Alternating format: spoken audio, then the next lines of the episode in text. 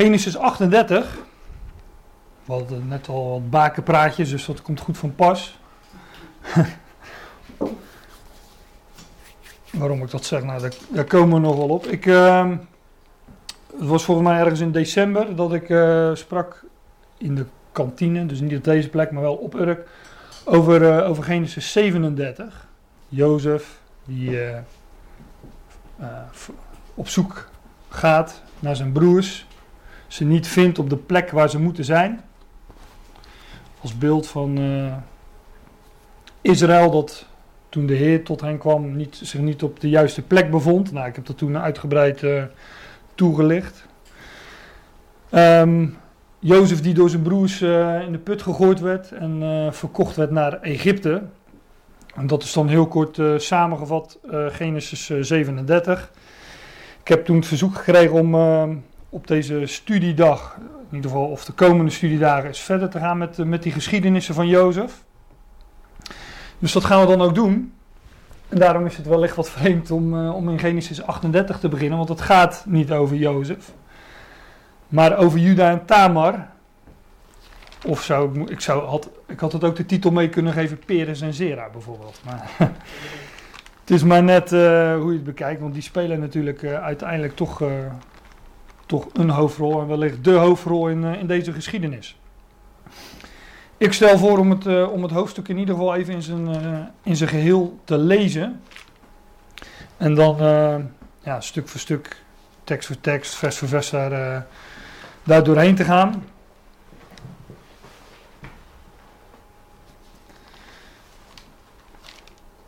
Het geschiedde tenzelfde tijde dat Juda van zijn broederen aftoog en hij keerde in tot een man van Adullam, wiens naam was Hira. En Juda zag aldaar de dochter van een Canaanitisch man, wiens naam was Sua. En hij nam haar en ging tot haar in.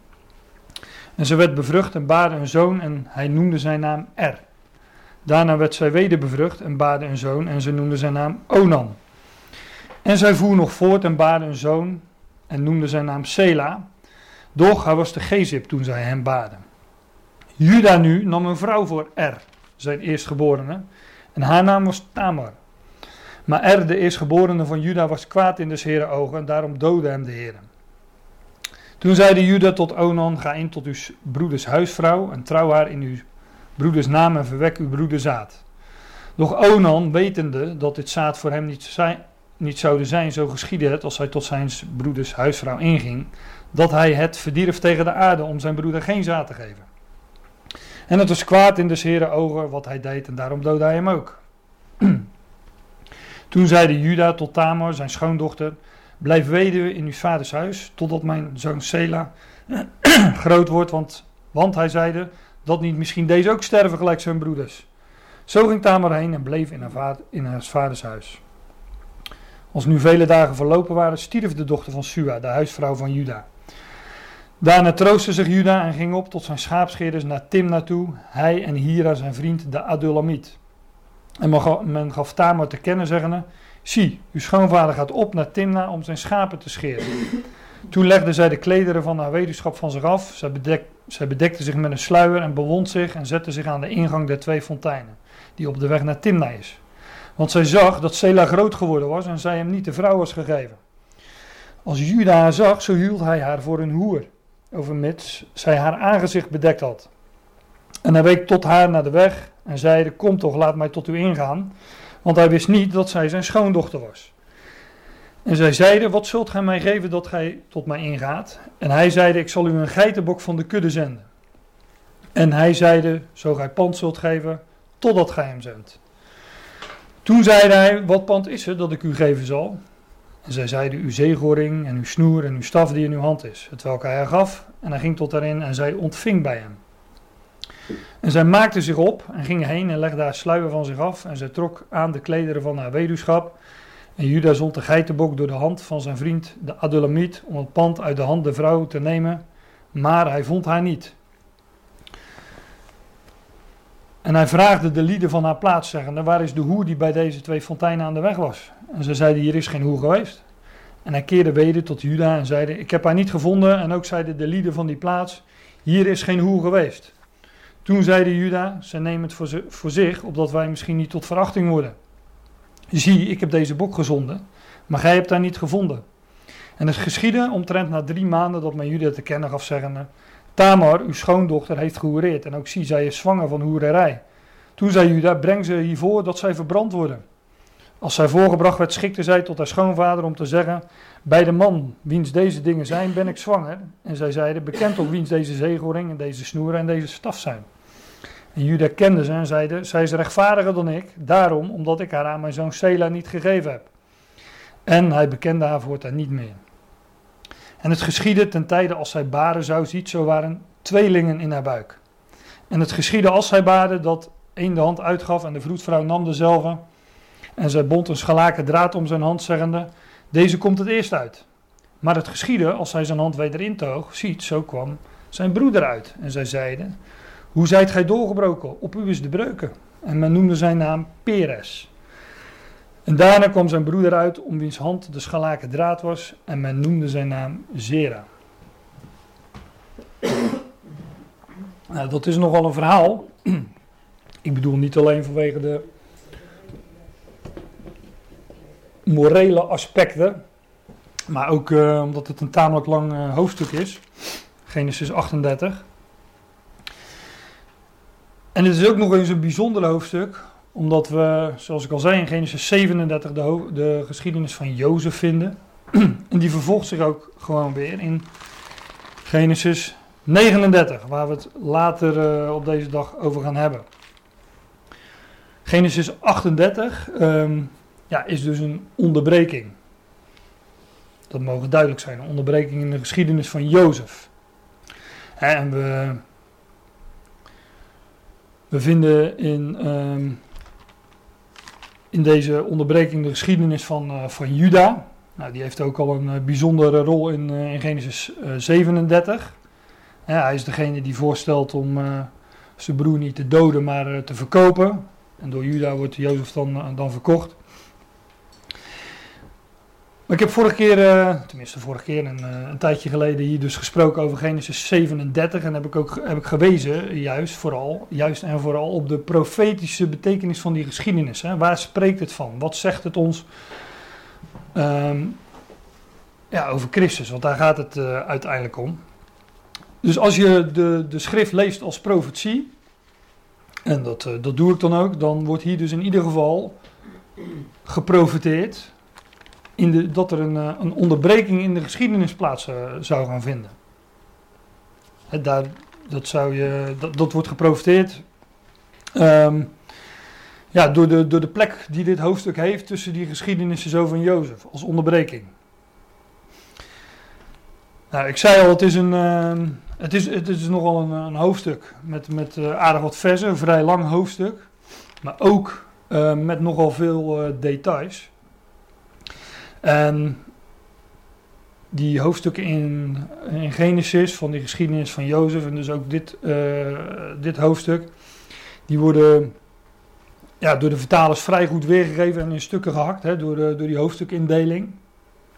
En ik heb er dan ook voor gekozen om, uh, om één hoofdstuk per studie te bespreken. Uh, ik denk als je het anders zou doen, dat je om Genesis 38 te bespreken aan een studiedag niet genoeg zou hebben. Dat je wellicht wel vijf of misschien wel tien studies zou moeten geven over dit ene hoofdstuk. Er zitten zoveel details in en wat ik wil doen is verwijzen um, naar de typologische betekenis van die details. Hè, wat, ik denk wat ze, wat ze uitbeelden en waar ze ons naartoe wijzen. Maar dat veronderstelt wel een beetje uh, kennis voor jullie als luisteraars van de schrift. Um, als ik bijvoorbeeld uh, zeg dat Jozef een, type is van, van, van Christus, of, of later op de dag dat de gevangenis een, een beeld is van de uh, gemeente. Ja, als je dat heel goed zou willen onderbouwen, zou je dus uh, alle schriftplaatsen in het Nieuwe Testament na moeten gaan, waar dus gesproken wordt over die zaken. En die schriftgedeeltes ook nog eens moeten bespreken. Ja, dat gaan we dus niet doen. Maar ik verwijs er dus wel telkens naar en zal zo nu en dan ook ja, op de beam wat uitstapjes maken naar, uh, naar teksten die dat uh, onderschrijven. Nou goed, dat gezegd hebben, dan gaan we gewoon naar de geschiedenis van, uh, van Genesis 38. En zullen dat min of meer vers voor vers gaan doornemen. in, in, vers 1 wordt gesproken dat die geschiedenis van Juda, dat die plaatsvond tenzelfde tijde. En ik heb daar wat commentaren op nageslagen. Ehm, daar hebben de, de, de, de, commentaren nogal moeite mee, omdat uh, um, de, de, geschiedenis van Jozef, die in Genesis 37, vers 36 voor eventjes afgesloten wordt, in Genesis 39, vers 1, gewoon weer verder gaat. En daar zit dus helemaal geen tijd tussen, lijkt het wel. Dat is ook zo, want Genesis 39, vers 1 is vrijwel identiek aan, uh, aan Genesis 37, vers 36. Dus de draad wordt daar gewoon weer opgepakt. Terwijl de geschiedenis van Juda en Tamar, die we in Genesis 38 lezen, die moet toch wel een aantal tientallen jaren in beslag hebben genomen. Hè, Juda, die uh, kinderen kreeg, drie stuks. Er, Onan en Sela. Daar een vrouw voor zocht. Eén voor één liep dat niet goed af, dus dat heeft ook even geduurd. Sela, die was nog te klein om, uh, om aan Tamar te geven. En die was ook nog eens opgegroeid, zodat Tamar bemerkte dat Sela haar niet tot man werd gegeven. Dus dat, daar gaat wel een, een poosje overheen. En vervolgens moet die tweeling ook nog verwekt worden en geboren. Dus dat neemt wel wat tijd in beslag. Ik denk dus dat de commentaren hebben daar wel moeite om, uh, om dat wat we in Genesis 38 vers 1, het geschiedde tenzelfde tijd, om dat dan te plaatsen van ja, wat betekent dat nu precies?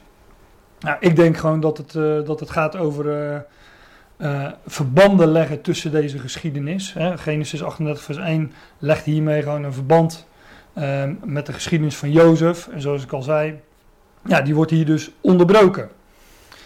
Nou, we lezen dat, ehm, dat Juda van zijn broederen aftoog, ook in vers 1. En ik zei al, als je de schrift leest als profetie, um, dan uh, zien we ook later in de schrift in, uh, dat het koninkrijk van Juda werd gescheiden van, uh, van de overige broers, zeg maar, van de overige stammen. In 1 Koningin 11 lees je dat. Daar, ehm, nadat, nadat Salomo um, zich met, ja, met de, met de vermengd had, tenminste zich bemoeid had met de goden van zijn vrouwen, de afgoden van zijn buitenlandse vrouwen, zegt God, um, na jouw dood zal ik dat rijk splitsen. In een, uh, en dat gebeurt dan ook, dat lees je in 1 Koning 11 en 12 dacht ik. En dan wordt er uh, gesproken over een, uh, vervolgens over een tien stammenrijk en een twee stammenrijk. En het eigenaardige, het, opmerkelijke in verband met de geschiedenis die we hier lezen, is dat dat tien stammenrijk later ook wel Jozef wordt genoemd. Voornamelijk naar de, de zoon van Jozef, Ephraim. Maar ook de tien stammen worden ook wel aangeduid met Jozef. En de twee stammen worden aangeduid met Juda. Nou, daar kom ik later nog wel op terug. Um, ja, Genesis 38 is een onderbreking. Uh, de geschiedenis wordt, wordt onderbroken, maar ook in deze geschiedenis zelf, in, in het hoofdstuk zelf, vind je nogal wat onderbrekingen. Mensen die overlijden.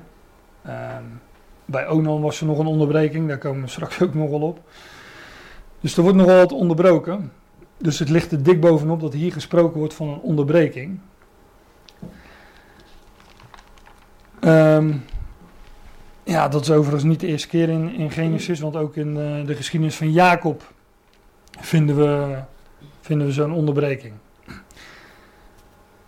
Als hij naar uh, zijn oom gaat, Laban, dan uh, is hij daar voor, een, voor een periode, vervolgens keert hij weer terug. nou, ik zei al, er zijn heel veel namen in dat hoofdstuk. Met name is het altijd lastig. Sommige namen, die, er is betekenis, de betekenis heel bekend van. Andere namen is dat wat lastiger. En er zijn wel een aantal namen in deze geschiedenis ja, waarvan het gewoon lastig is om de, de exacte betekenis daarvan nu eh, te, te, terug te halen. Als je gaat googlen of, of, of in, in naslagwerken gaat zoeken, ja, dan, dan, dan, als je ze bij elkaar vecht, heb je soms 10, 12 betekenissen. En uh, ja, daar kun je je verhaal altijd mee ondersteunen, zeg ik altijd, als je dat wil. Want dan zoek je gewoon de juiste erbij. Dus ik, uh, als ik Kijk, van Sela weten we wel vrij zeker dat het rots betekent. Hè? Dat komt wel uh, komt vaker voor in de schrift, maar ja, wat betekent R? Men geeft er wel een betekenis aan, maar ja, ook wel meerdere betekenissen. Dat maakt het wat lastig, maar toch denk ik dat, het, dat er wel een bepaalde lijn in, uh, in te vinden is. Nou, eerst maar eens naar, nog, nog in dat eerste vers. Hè.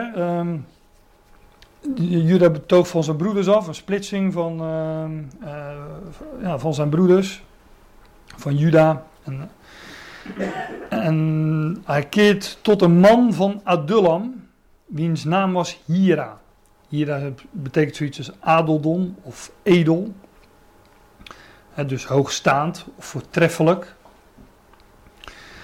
En Adullam, nou dat, kennen we wel, dat is uh, uh, ook die spelonk waarin uh, David verkeerde met, met ieder die een schuld had, ieder die bedroefd was. Met 400 man die niet deugden, om het samen te vatten. Um, en de spelonk is de spelonk van Adullam. Hè, dat, dat is een, een holte in de rots. Nou, dat doet ook wel erg denken aan, uh, aan een gevangenis. Maar in ieder geval bij, uh, bij David ligt, ligt het al heel dik bovenop dat, de, dat Adullam een beeld is van de gemeente, van de Ecclesia. Um, Adullam kun je ook op twee manieren uh, splitsen. En een van die, je kunt er Adul am van maken. Dat betekent zoiets als gerechtigheid van het volk. En als je het splitst in ad olam, dan gaat het over de olam, de eeuw, tot de eeuw, hè, de God van deze eeuw. En ik denk dat het daar ook mee te maken heeft. Uh, en dat het gaat over uh, dat, dat hier aan beeld is van God, hè, voortreffelijk, hoogstaand. En dat Adullam, uh, dat dat spreekt van het, van, van het hemelse aspect, zoals ook de, de, de gemeente een, een hemels volk is. En dat het dus spreekt over de God van, uh, van, van, van ja, de God des hemels, zoals hij later in het Oude Testament ook wordt genoemd. Vervolgens lees je dan. um, Juda zag al daar de dochter van een Canaanitisch man, wiens naam was Sua. Sua betekent rijkdom. Um, Juda die, die, die ontvangt dus uh, Juda ontvangt rijkdom. Ik denk dat het een beeld is van, van, het woord van God. Hè? Het, uh, de wet die, die het Joodse volk ontvangen heeft. Hun zijn de woorden Gods toebetrouwd. Dat is ook rijkdom om het woord van God te, te mogen ontvangen. En wiens naam was Sua en hij nam haar en hij ging tot haar in. Zij werd bevrucht en baarde een zoon en hij noemde zijn naam R. Nou, die betekenis die, die, het vaakst, die het vaakst voorkomt in die, schijnt waakzaam of alert te betekenen. Daarna werd ze weder bevrucht en baarde een zoon en ze noemde zijn naam Onan. Wat, wat waarschijnlijk zoiets betekent als krachtig. Ze voerde nog voort en baarde een zoon en noemde zijn naam Sela. Sela betekent uh, rots of eventueel ook verheffing. Maar uh, een rots is natuurlijk een verheffing, is een, ja, is een opstaande, opstaande steen, een verheven steen. Ik denk dat deze drie zonen van Juda, Er, Onan en Sela, dat die een uitbeelding zijn van de geslachten van Juda, geslachten van het Joodse volk. Um, dat denk ik, omdat je dat wel vaker in de schrift vindt, bijvoorbeeld in Hosea 1. Ik ga niet naartoe, want dan zouden we het hele hoofdstuk moeten bespreken. Maar in Hosea, daar gaat het overigens ook over een hoer.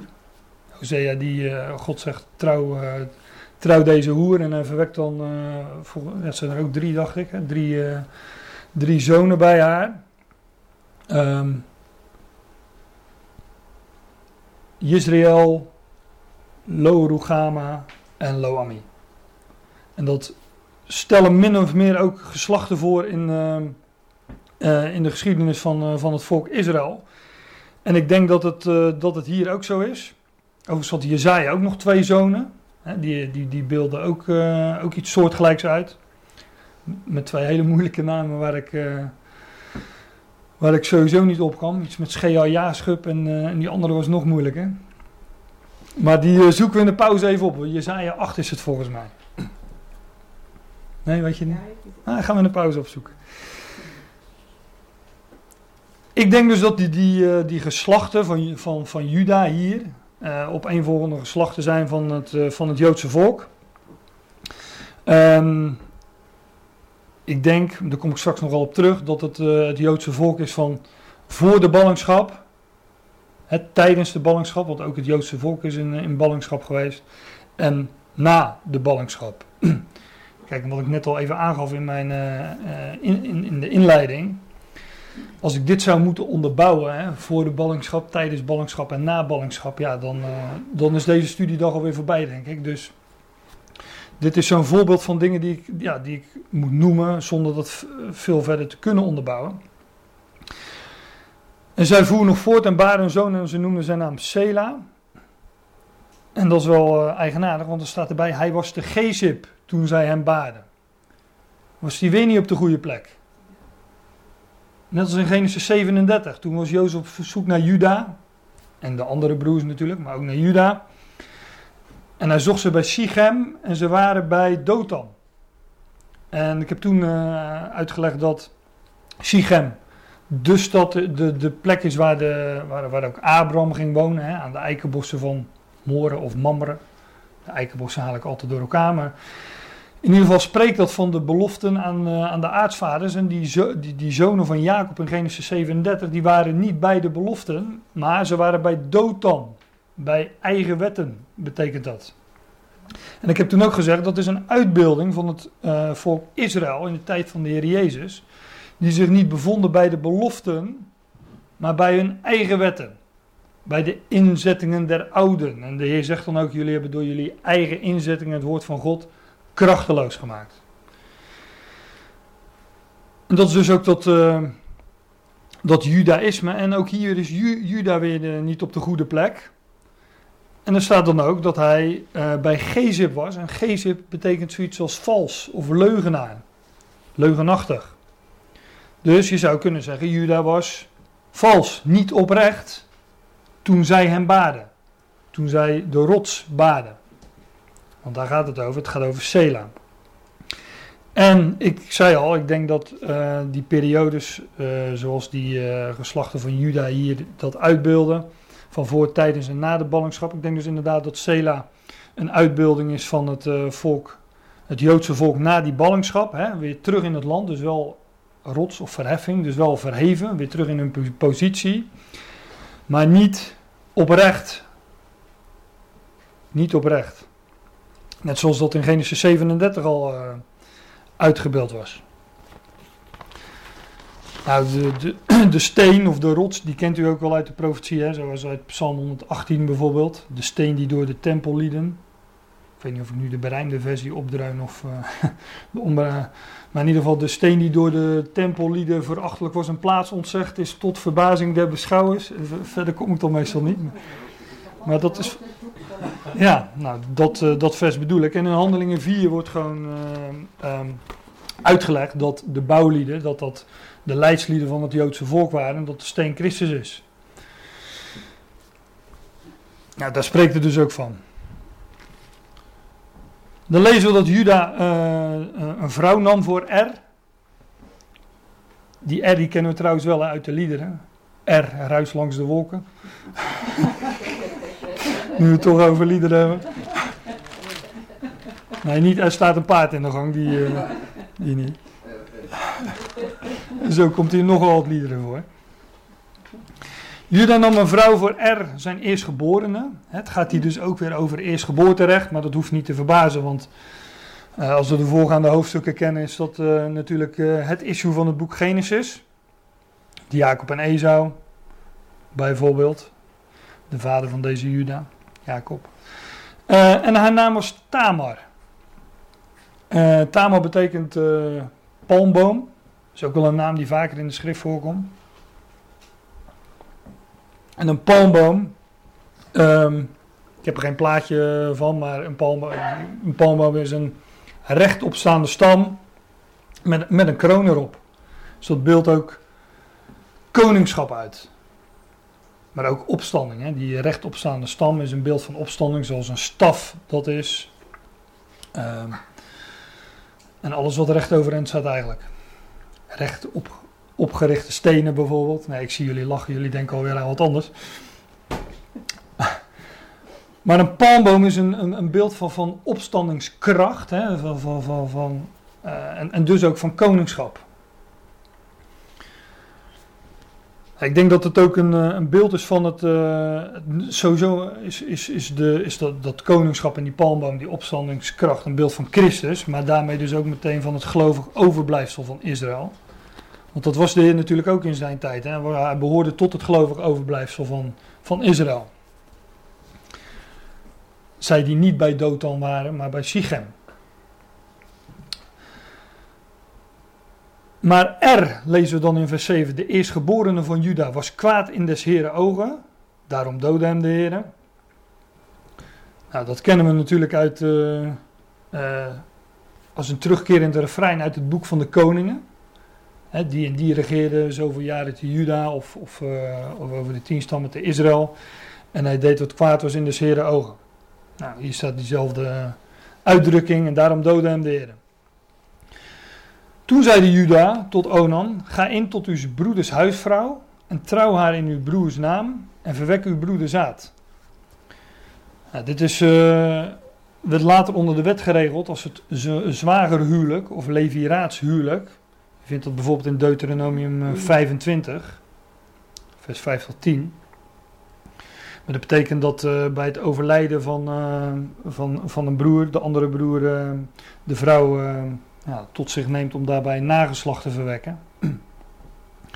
Dat is hier dan ook, uh, ook meteen het probleem, lezen we in het, uh, in het volgende vers. Nou, doch Onan, wetende dat het zaad voor hem niet zou zijn, zo geschiedde het als hij tot zijn broeders huisvrouw inging, dat hij het verdierf tegen de aarde om zijn broeder geen zaad te geven. Onan wist dat als hij zaad verwekken zou bij, uh, bij Tamar, dat het zaad, de nakomeling die hij verwekte, niet zijn eigen erfgenaam zou zijn, maar de erfgenaam van zijn broer. Dus, dus voor hem de reden om. Uh, ja, hij is daar natuurlijk uh, beroemd om geworden, Onan. Geheel onterecht overigens. Uh, om het zaad te verderven tegen de aarde, want dat, uh, dat staat er. En Onan is volgens mij, dat is een, een als je dat opzoekt in het woordenboek, dan zeggen ze: Onanie is zelfbevrediging. Maar dat is niet wat Onan niet deed. Hè, Onan die, ja, die deed iets met, met zingen in een kerk, geloof ik. Ja, terecht voorbrengen. Maar, ja, maar wij hebben daar toch een, eh, een term voor. Overigens uh, zag ik in de studiebijbel daar een mooi, er is natuurlijk ook een Latijnse naam voor. De coitus interruptus. En de interruptus kan ik me wel voorstellen wat daarmee mee bedoeld wordt, hè, de onderbreking. En dan kan ik coitus ook wel invullen wat dat betekent in het, in het Latijns. Want volgens mij zal het zal wel Latijns zijn. ja, dat onthoud ik dan weer. Um,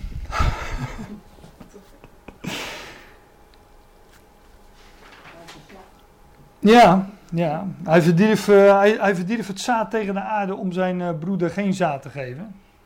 Um, nou, ik zei, ik zei net al dat ik, dat ik denk dat, um, dat, dat Onan een, een uitbeelding is van het uh, Joodse volk tijdens die ballingschap. Nou, het is ook wel bekend dat tijdens de, de in de ballingschap uh, de, het, Joodse volk, um, ja, om zich te, te, kunnen blijven onderscheiden, om, om een Joods volk te blijven, dat eigenlijk daar dat, dat die Joodse godsdienst, dat Judaïsme is ontstaan. Een zaad is een beeld van het woord van God. Um, zij hervonden in die ballingschap dan ook wel het woord van God. Alleen dat, dat judaïsme wat ontstond, dat kennen we voornamelijk ook uit, uh, uit de evangelie, wat ik net al zei. Zoals de Heer uh, onder, de, onder, de, onder, onder het Joodse volk wandelde, dat onder de wetten stond, onder dat judaïsme leefde. Ja, dat waren wel hun eigen wetten. En ze maakten zich daar dus zelf meester van. En uh, dat zaad kwam dus eigenlijk op de grond terecht. Dus waar het ook vertrapt kan worden. Ze vertrapten dat woord van God en ze maakten zich daar zelf meester van. Ik denk dat dat hier, uh, dat dat hier uitgebeeld wordt. Nou, dat was dus ook kwaad in des Heren ogen, lezen we. Wat hij deed in vers 10. Daarom doodde hij hem ook. Overigens weet ik van R uh, niet wat hij gedaan heeft. Uh, dat staat er ook niet bij. Maar God is, is een langmoedig God, lezen we in de schrift. Dus dat moet toch wel iets, iets, iets heftigs geweest zijn.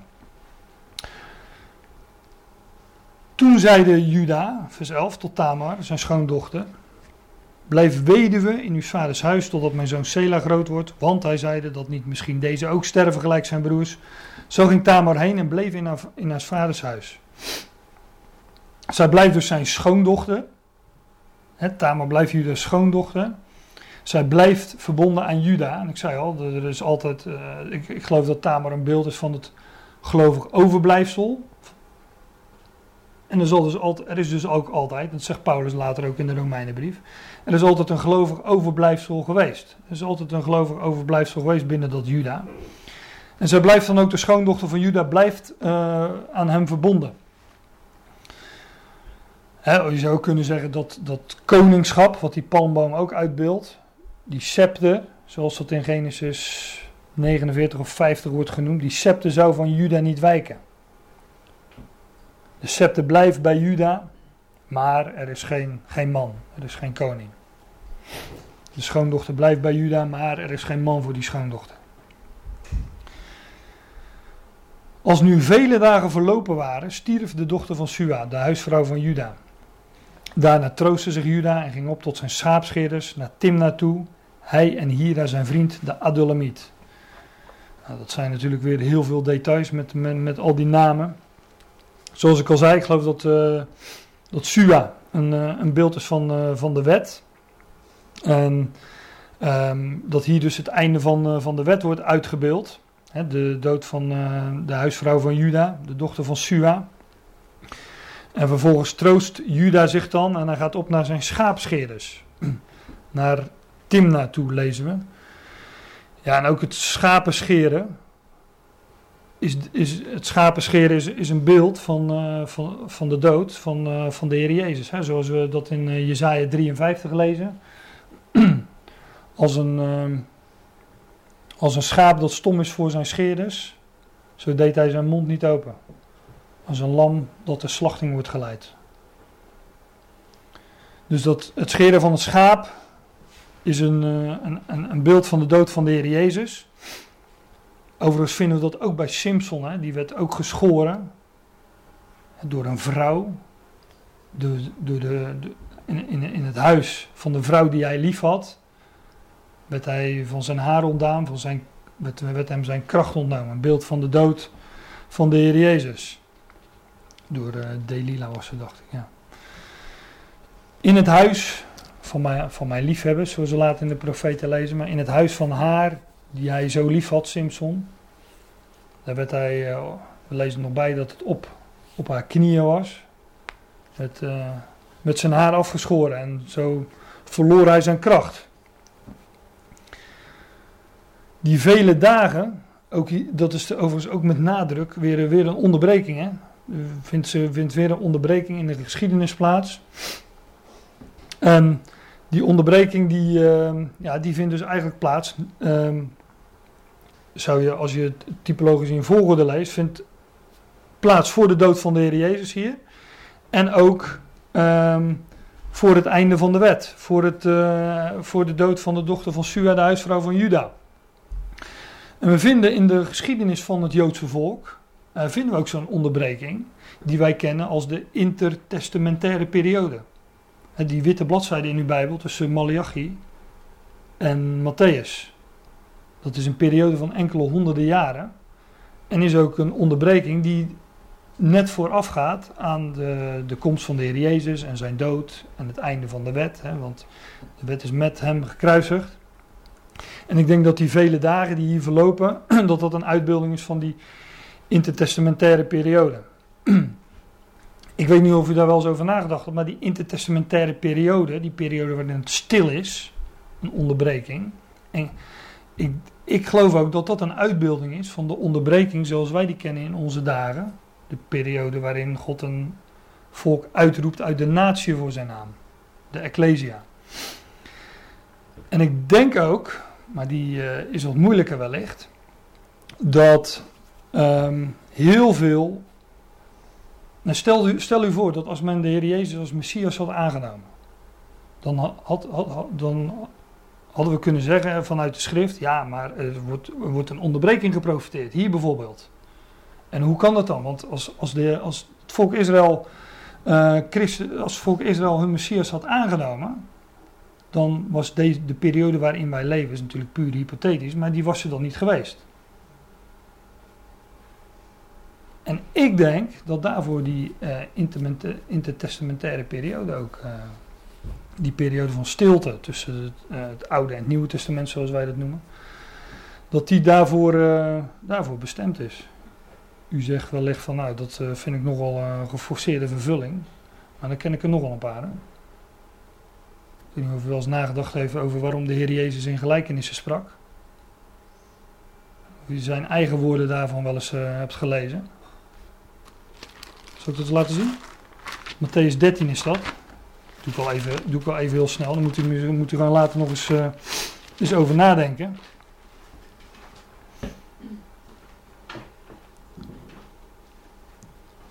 De Heer Jezus zegt in Matthäus 13, vers 13. Daarom spreek ik tot hen door gelijkenissen. Omdat zij ziende niet zien. En horende niet horen, nog ook verstaan. En dan komt het. En in hen wordt de profetie van Jezaja vervuld. Die zegt, met het gehoor zult gij horen en geen zins verstaan. Ziende zult gij zien en geen zins bemerken, want het hart deze volk is dik geworden. Ze hebben met de oren zwaarlijk gehoord, en ogen hebben ze toegedaan. Nou, enzovoort. Dus de Heer zegt eigenlijk, ik spreek in gelijkenissen. Dat zegt hij in ieder geval hier in dit vers. Om die profetie van Jezaja te vervullen. Maar tientallen jaren later, tenminste hoeveel precies weet ik niet, in Handelingen 28.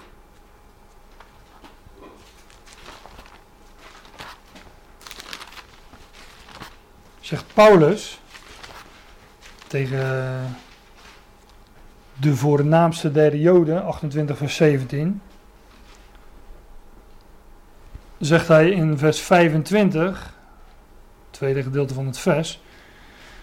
Wel heeft de Heilige Geest gesproken door Jezaja de profeet tot onze vaderen, zeggende ga heen tot het volk en zeg met het gehoor zult gij horen en geen verstaan, zien zult gij zien en geen zins bemerken, want het hart van dit volk is dik geworden, met de oren hebben zij zwaarlijk gehoord, enzovoort. En dan zegt hij in vers 28, het zij u dan bekend dat de zaligheid, de redding, het heil van God aan de natie gezonden is, of wet. Hier ging dus het licht uit voor, uh, voor Israël. Of Paulus verwijst naar een moment eerder in de handelingen. Ehm, maar in handelingen ging pas het licht uit voor Israël, om het zo te zeggen, en werden hun ogen gesloten. En toch zegt de Heer van, ik spreek in gelijkenissen om, um, om die profetie van Jezaja te vervullen. Terwijl Paulus hier ook de profetie van Jezaja uh, vervult. Hypothetisch, nog, wat ik net ook zei, stel dat het volk Israël de Heer aangenomen had, had als hun Messias, ja, dan zou dus nooit, wat Paulus hier later zegt in handelingen 28 gezegd worden. Zou want dan zou hij dan zou hij gekomen zijn om, uh, om zijn koninkrijk op te richten. En dus vervult de Heer die profetie, geeft hem in ieder geval een vervulling door in gelijkenissen te spreken. Enigszins geforceerd zou je kunnen noemen. Maar uh, zo gaat het dus al vaker in de schrift.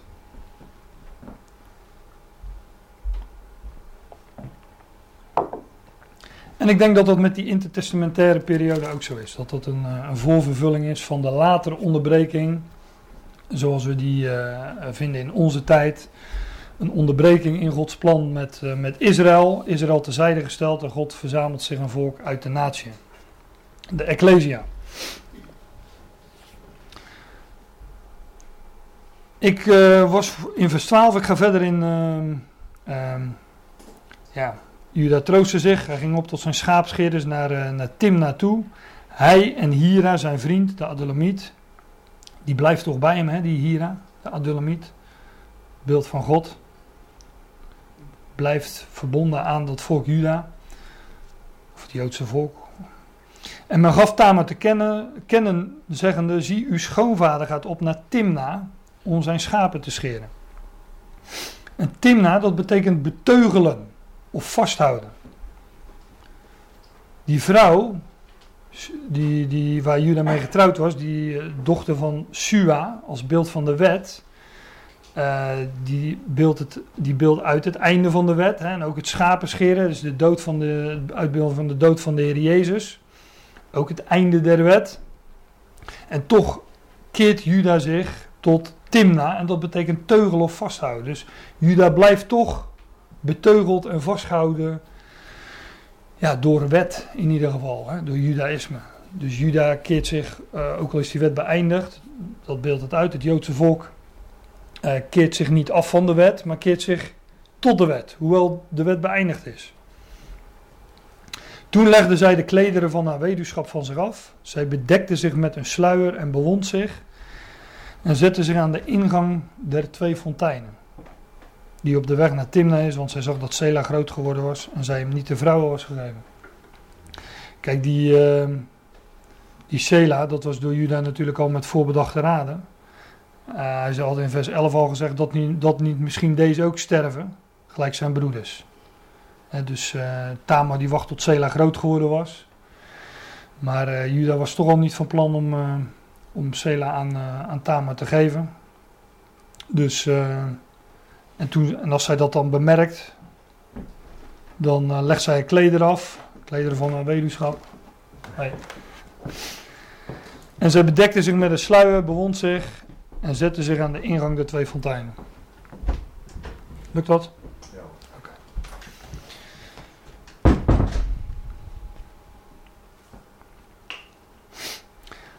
Ik denk dat hier in vers, uh, vers 14 uh, uitgebeeld wordt hè, hoe na het oude verbond, na het einde van de wet, het nieuwe verbond tot stand komt.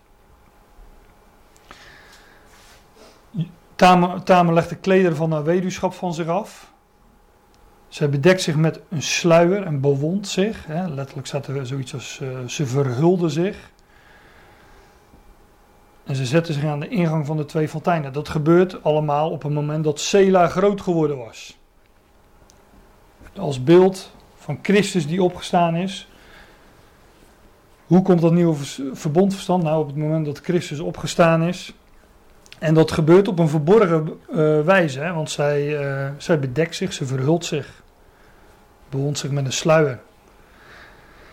En ze deed dat, um, ze ging zitten, ze zette zich aan de ingang der twee fonteinen. Nou, de fontein is een, uh, is, is een, een, een, bron van water. En twee fonteinen spreekt van het dubbele deel. Spreekt dus van dat, van dat nieuwe verbond. Je vindt dat bijvoorbeeld in Deuteronomium 21, vers 17. Dat dubbele deel. Ik geloof dat het gaat over het tot stand komen van het nieuwe verbond. Als Juda haar zag, zo hield hij haar voor een hoer. Overigens, het, als ik dat uh, typologisch wijst ze dus vooruit op de periode na de opstanding van Christus. Hè? Hoe, kwam dat, uh, hoe kwam dat einde, het einde van het oude verbond tot stand en hoe kwam, het, de, hoe kwam het nieuwe verbond tot stand. En als Juda haar dan zag, zo hield hij haar voor een hoer, omdat zij haar aangezicht bedekt had. Bij ons is dat andersom, hè? Die, bij ons bedekken hoeren zich uh, zo weinig mogelijk. Heb ik wel eens gelezen, maar hier, uh, nou, hier, bedekken ze, hier bedekten ze zich blijkbaar. En um, gelovige Joden uh, wij, zouden wel, wij zouden wellicht zeggen Messias beleidende Joden in de, in, de, in de tijd na de opstanding. Ja, die werden ook gezien als, uh, als hoerig, als overspelig. Want zij uh, onderhielden de wetten niet meer, of, en ze waren vrij van die wet. En dat werd door Juda, door het Joodse volk, werd dat ook gezien als overspelig, als hoerig. En ik denk dat dat hier uitgebeeld wordt. Dat Juda, ja, die ziet het gelovig overblijfsel van Israël. En die denken het is een hoer. Zij is overspelig. In de Hebreeënbrief vind je daar bijvoorbeeld uh, tal van aanwijzingen voor. Dat, dat die, die gelovigen, de gelovigen in die tijd ja, wel, het wel heel erg zwaar hebben gehad ten opzichte van hun, uh, van hun volksgenoten. En ook in de overige brieven komt dat natuurlijk uh, tot ons. En hij week tot haar naar de weg en zeide: Kom toch, laat mij tot u ingaan. Dat is allemaal eufemistisch, hè? dat hoef ik niet toe te lichten, denk ik. Dit. Laat mij tot u ingaan. Want hij wist niet dat zij zijn schoondochter was. En zij zeiden: Wat zult gij mij geven dat gij tot mij ingaat? Oftewel, er moet eerst een prijs afgesproken worden. En hij zeide, ik zal u een geitenbok van de kudde zenden. En zij zeiden, zo gij pand zult geven totdat gij hem zendt. Toen zeiden zij, wat pand is het dat ik u geven zal? En ze zeiden, uw zegelring en uw snoer en uw staf die in uw hand is, het welk hij haar gaf. En hij ging tot haar in en zij ontving bij hem, oftewel ze werd zwanger. Nou, die ring, zegelring, uh, en snoer en staf, dat zijn nogal attributen die we, uh, die we heel vaak in de schrift vinden. Uh, een ring, een zegelring, is ter identificatie. en spreekt ook van autoriteit. Je vindt het bijvoorbeeld in het boek Esther, waar aan uh, Haman autoriteit gegeven wordt om het Joodse volk uit te roeien. En hij krijgt dan de zegelring van die koning. Ahasverus is het volgens mij. Later gaat die ring naar Mordechai. Als je dat woord opzoekt in een concordantie, ja, dan kom je vanzelf uh, op deze associaties en dan zie je dat het van, van identificatie spreekt, zo'n zegelring. Het graf, uh, het graf van de Heer Jezus werd ook verzegeld spreekt van autoriteit. Maar ook van, van zegening. Hè. Het volk uh, Juda vond ook haar uh, identificatie in de zegeningen die ze van God ontvangen had, zoals de wet. Um, een staf. Ja, daar hadden we het al even over, hè, bij de palmboom. Is, een staf is, uh, net als die palmboom, gewoon een, een, een rechtopstaande stam. Het spreekt dus van kracht, van opstandingskracht met name. Maar ook van positie. Met een staf blijf je op de plek staan waar je wilt blijven staan. Spreekt dus van, van, van staan, staande blijven, opstanding en ook van positie. De positie van het Joodse volk, de identificatie van het Joodse volk, de autoriteit uh, van het Joodse volk ligt. Snoeren is wat lastiger, die komt wat minder in de Bijbel voor. Ik weet wel dat uh, in uh, aan allerlei overheidsuniformen hangen nog wel van die, van die snoertjes. Nu en dan met kwastjes eraan, dacht ik. En ook in de beschrijvingen van de, uh, van de tabernakel en de tempel komen we het nogal tegen. En aan het einde van deze geschiedenis een schalakensnoer. Maar daar komen we natuurlijk nog op. Maar ik denk dat die drie attributen spreken van, van, van, van identificatie hè, en de, de zegeningen van het Joodse volk, die van, het van Juda overgingen naar Tamar. Van het Joodse volk overgingen naar dat gelovig overblijfsel van Israël. Het werd van Juda afgenomen, zegeningen, de identificatie met, met, met, met hun God. En het ging naar het gelovig overblijfsel van Israël.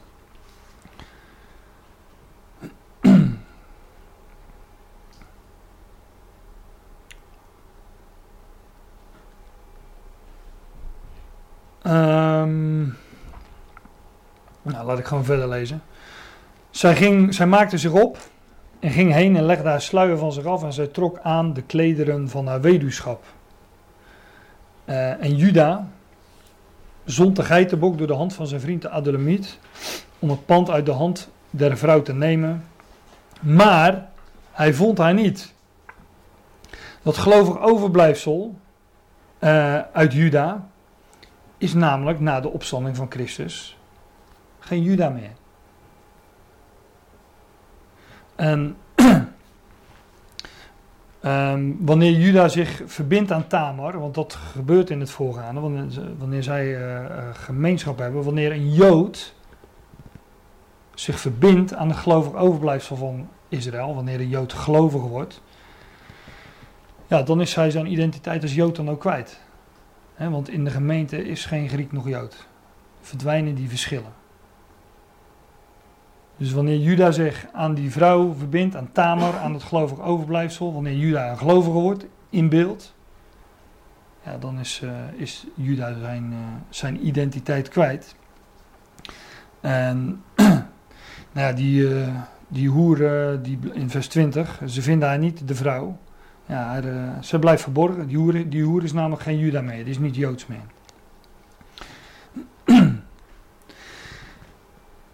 En hij vraagde de lieden van haar plaats, vers 21, zeggende: Waar is de hoer die bij deze twee fonteinen aan de weg was geweest? En zij zeiden: Hier is geen hoer geweest. Kijk, ze, is niet meer herkenbaar als, uh, als die hoer. En hij keerde weder tot Juda en zeide: Ik heb haar niet gevonden. En ook zeiden de lieden van die plaats: Hier is geen hoer geweest. Nou, dat blijft, dat blijft dus verborgen. Dat, dat, dat gelovig overblijfsel, dat is, uh, ja, dat, dat, dat, dat, is, dat is verborgen. Dat is, geen, dat is niet joods meer. Toen zeiden Judas en neem het voor zich, opdat wij misschien niet tot verachting worden. Zie, ik heb deze bok gezonden, maar gij hebt haar niet gevonden. Judas zegt, uh, ja, voordat we nou echt helemaal voor aap staan, laten we maar stoppen met de zoektocht. En het geschiedde na drie maanden dat men Juda te kennen gaf, zeggende, Tamar, uw schoondochter, heeft gehoereerd en ook zie, zij is zwanger van hoererij. Toen zei Juda, breng ze hiervoor dat ze verbrand worden. Hypocrisie ten top natuurlijk. Maar ja, dat heb je onder de wet. Dan zie je, zie je de balk uh, in je eigen oog uh, niet, maar de splinter in het oog van de ander wel. Maar het geschiedde omtrent na drie maanden. Dus het gebeurt hier na de drie. En dat weten we natuurlijk uit de schrift. En na de drie vindt opstanding plaats. De opstanding van de Heer. Is de belangrijkste gebeurtenis uh, die we, die, natuurlijk die we kennen in de wereldgeschiedenis, maar die ook uh, geïdentificeerd wordt met na de drie. En hier gaat het dus ook over, het navolgende gaat dus ook over de opstanding van Christus en de gevolgen daarvan. Op de derde dag, op de derde dag zal dan ook uh, ja, zal openbaar worden wie die hoer is.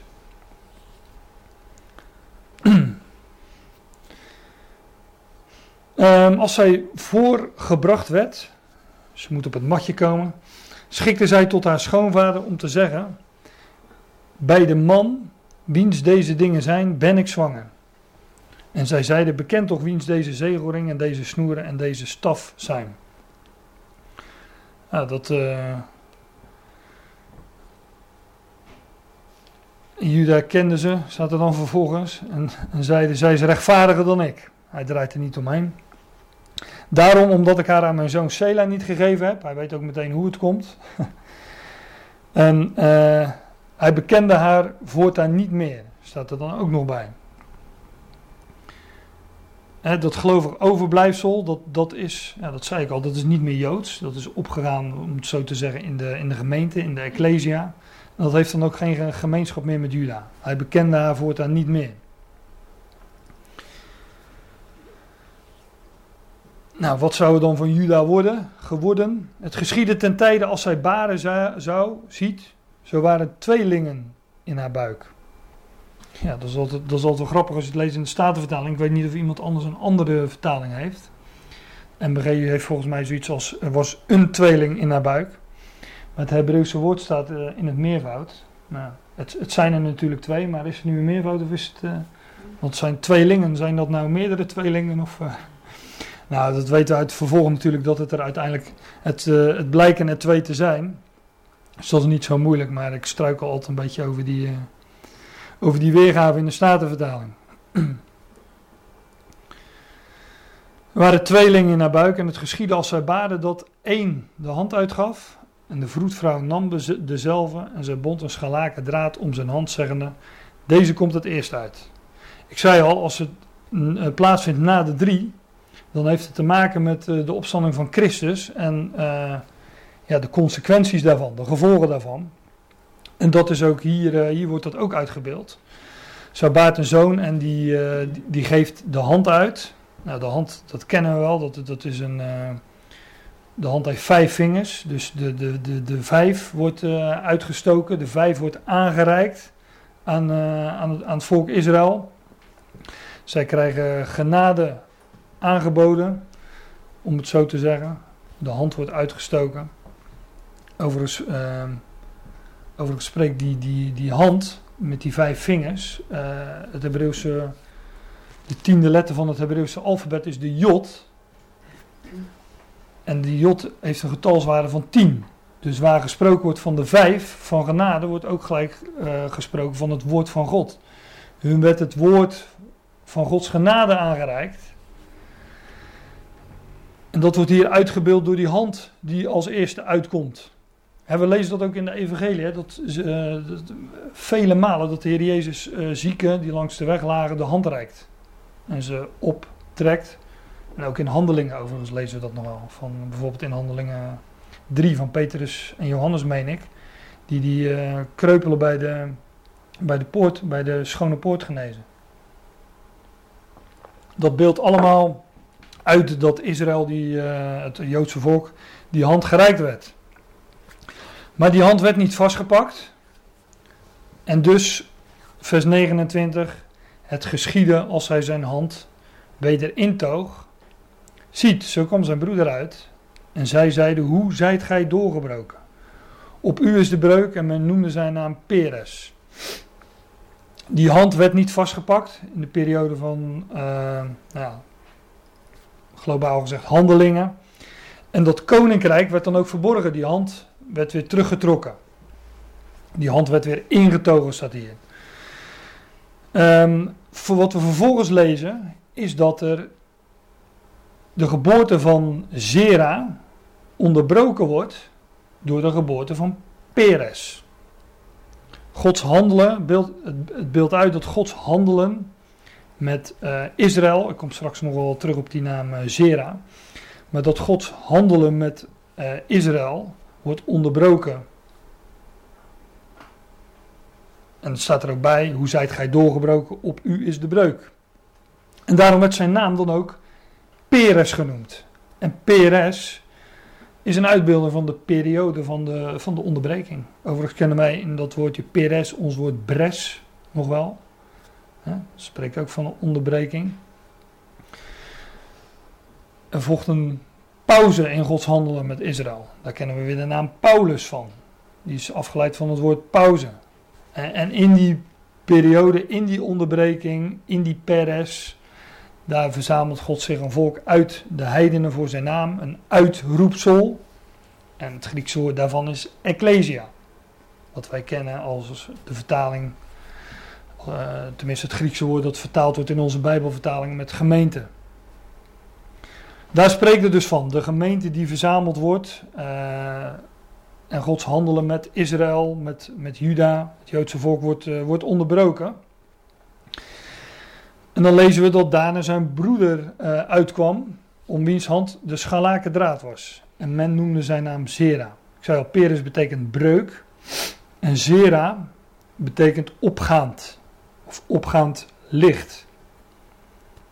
Het is een beeld van het licht dat op zal gaan, opgaat voor, het, uh, ja, voor, Juda. Hè? Dus het licht zal opgaan voor Juda. Wat het net uh, voor de, voordat we van start gingen, hadden het erover. God heeft zijn, uh, zijn, zijn werk, zijn handelen met Israël onderbroken, maar het is geen afgesloten zaak. God zal in de toekomst uh, die draad, dat is wel een leuk in dit verband, die, die, die draad weer, weer oppakken. En dan zal inderdaad voor hen het licht opgaan. En God zal zijn, nou, de Messias zal komen en zijn koninkrijk vestigen. En dat beeldt Zera uit. Zera betekent zoiets als opgaand, opgaand licht. Um, wat wel grappig is in deze geschiedenis is ook, dus dat Zera is de eerste. Zijn hand komt uit, daarmee is hij de eerste. Wordt vervolgens onderbroken, maar hij is ook de laatste. En daarmee is hij natuurlijk ook een uitbeelding van Christus, die de eerste en de laatste is. Die Zera, um, Zera betekent opgaand licht. Uh, als we een paar bladzijden terugbladeren in Genesis 32. Vers 31, daar staat. Ik ga totaal voorbij aan het, aan het verband. Overigens. Ja. Overigens beeld wat, we, wat we nu gaan bezien Genesis 32, vers 31. Dus staat de zon rees hem op. Nou, dat opgaan van die zon, dat is het woordje zera of zerach, ook in het Hebreeuws. Opgaand licht, opgaande zon. Het is het moment voor Israël dat de zon der gerechtigheid over hen op zal gaan, uit Malachi 4. U weet al net voor die witte bladzijde in uw Bijbel, waar we het net uh, over hadden. Maar ook hier overigens, Um, bij de geschiedenis van Jacob gaat het over een onderbreking waar nu de zon opgaat. En we lazen in, dat zeg ik er even snel bij, omdat het, kunt je thuis eens nakijken, omdat in 28 vers 11 de zon was ondergegaan. Genesis 28 vers 11 was de zon ondergegaan. Vervolgens vinden we de onderbreking in Jacobs geschiedenis van een aantal hoofdstukken waarin hij bij Laban is. Zich wat vrouwen verzamelt waar hij hard heeft voor moeten werken. En in een 32 vers 31 gaat de zon weer voor hem op. Beeld, beeld nou precies, beeld ongeveer hetzelfde uit als wat we vinden in Genesis 38. De onderbreking in de geschiedenis van het huis van Jacob. Of Juda. Maar dat licht zal opgaan over hem. Um, in sommige talen las ik in een commentaar. Maar dat zijn dingen die zijn natuurlijk wat lastig na te gaan. In sommige talen, zoals Aramees, wordt Sera in verband gebracht met scharlaken. En hier vinden we natuurlijk ook een scharlaken draad. Maar het opgaan van de zon, ja, we, als, soms als de zon opgaat, dan zien we ook morgen rood. Dat spreekt ook weer uh, van diezelfde dingen. Nou, dat scharlaken, daar heb ik wel een diatje van. Scharlaken, de, de meest bekende tekst is denk ik deze, Jezaja 1 vers, uh, vers 18. Al waren uh, uw zonden als scharlaken. Kunnen jullie het goed lezen? Kom, kom dan en laat ons samen rechten, zegt de Heer, zegt wij. Al waren uw zonden als scharlaken, zij zullen wit worden als sneeuw. Al waren zij rood als karmozijn, zij zullen worden als witte wol. Scharlaken spreekt dus van zonde, zou je zeggen. Want het staat hier, al waren uw zonden eh, als scharlaken. Maar, als het over zonde gaat, gaat het ook altijd over verlossing. Want zonde is iets waarvan wij verlost zullen worden. Die belofte hebben wij. En hier in Genesis 38 gaat het ook over een verlossing. Er is een verloskundige bij betrokken. Nou, die heet hier dan vroedvrouw, maar het gaat over verlossing, over zonde en verlossing. want, die, want die die geen zonde gekend heeft, heeft hij voor ons tot zonde gemaakt. Of, of heeft hij voor ons zonde gemaakt. 2 Korinthe 5 is dat, meen ik. Maar in het feit dat hij voor ons tot zonde of zonde gemaakt is, ja, in dat feit ligt ook onze verlossing. zie het lam gods dat de zonde der wereld wegneemt. Nou, daar spreekt Scharlaken van van zonde, maar dus ook van, uh, van verlossing. We komen dat, uh, dat, dat scharlakenkoord, die scharlakendraad, komen we een aantal keren tegen in, uh, in de schrift. Onder andere in de, de, meest bekende schriftplaats is deze. Dat gaat overigens ook over een hoer. Ragab, de hoer. Zie je, wanneer wij in het land komen, zult gij dit snoer van scharlakendraad aan het venster binden, door het welk gij ons zult nedergelaten hebben. Ragab liet uh, twee verspieders gaan die het land kwamen verspieden. Zij uh, verstopte die verspieders en liet ze door een schalaken koord uit het raam weer vertrekken. En in dat schalaken koord was dus de verlossing van die verspieders. Maar ook de verlossing van Ragab zelf. Want toen het volk Israël um, de rondjes liep om de stad Jericho, zeg maar. En uh, het gejuich aanving, toen viel heel de stad in elkaar. Maar haar huis, waar de schalaken draad, schalaken koord uit het raam hing, dat bleef staan. Wij hebben zo'n term, de rode draad. De rode draad in een verhaal. Nou, als we het hebben over de rode draad in de schrift, dan vinden we die hier in Genesis 38. We vinden die ook bij, uh, bij Ragab in, uh, in, in het boek Jozua. Maar de rode draad is zonde en verlossing. De schepping is aan de ijdelheid onderworpen, hè, opdat ze daarvan verlost zou worden. Maar ook die breuk die we hier vinden in Genesis 38 is een rode draad in de schrift. Die vinden we telkens weer terug. Het, eh, de huishouding van het geheim, zoals Paulus die noemt, hè, of de, de pauze. En eigenlijk is die rode draad natuurlijk Christus. Maar wij zijn, uh, wij zijn als Ecclesia, als lichaam van Christus, aan Hem verbonden. Dus uh, wij, zijn, wij zijn betrokken in die rode draad, zeg maar. Maar de rode draad in de schrift, ja, als ik dat samen zou moeten vatten in, in, in drie dingen, dan is dat zonde en verlossing. is dat eh, de breuk, de huishouding van het geheim, en dus Christus. Nou, ik weet wel dat er ook gelovigen zijn die, die dat niet zien. Die dat niet zien bijvoorbeeld in Genesis. Dat, die, dat daar die breuk al geprofiteerd wordt. Maar ja, ik wilde dat dus wel laten zien. En volgens mij als je het niet ziet ben je de draad kwijt. Dan heb je wel wat gemist. Nou, dat waren nogal veel details. dat had ik, al, had ik u al een beetje voorbereid. De komende geschiedenis hebben dat wat minder. Wellicht zegt u van nou, ik, dat, duizelt me een beetje met die Hira en die R en die Onan en die Sela en schapen scheren en, en en noem, noem allemaal maar op. Ik dacht laat ik het aan het einde toch even samenvatten. En dat wil ik doen met woorden uit de, de, de, uit de Romeinenbrief van Paulus. Waar hij volgens mij wat we hier beschreven vinden, typologisch uitgebeeld, vinden in deze geschiedenis in twee versen samenvat. Paulus zegt daar dan van het Joodse volk: hebben zij gestruikeld opdat zij vallen zouden?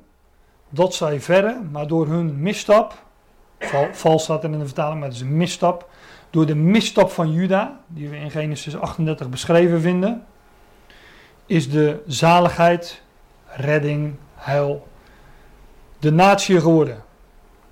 Om hen tot jaloersheid te verwekken. Juda begaat hier een misstap, zouden wij zeggen.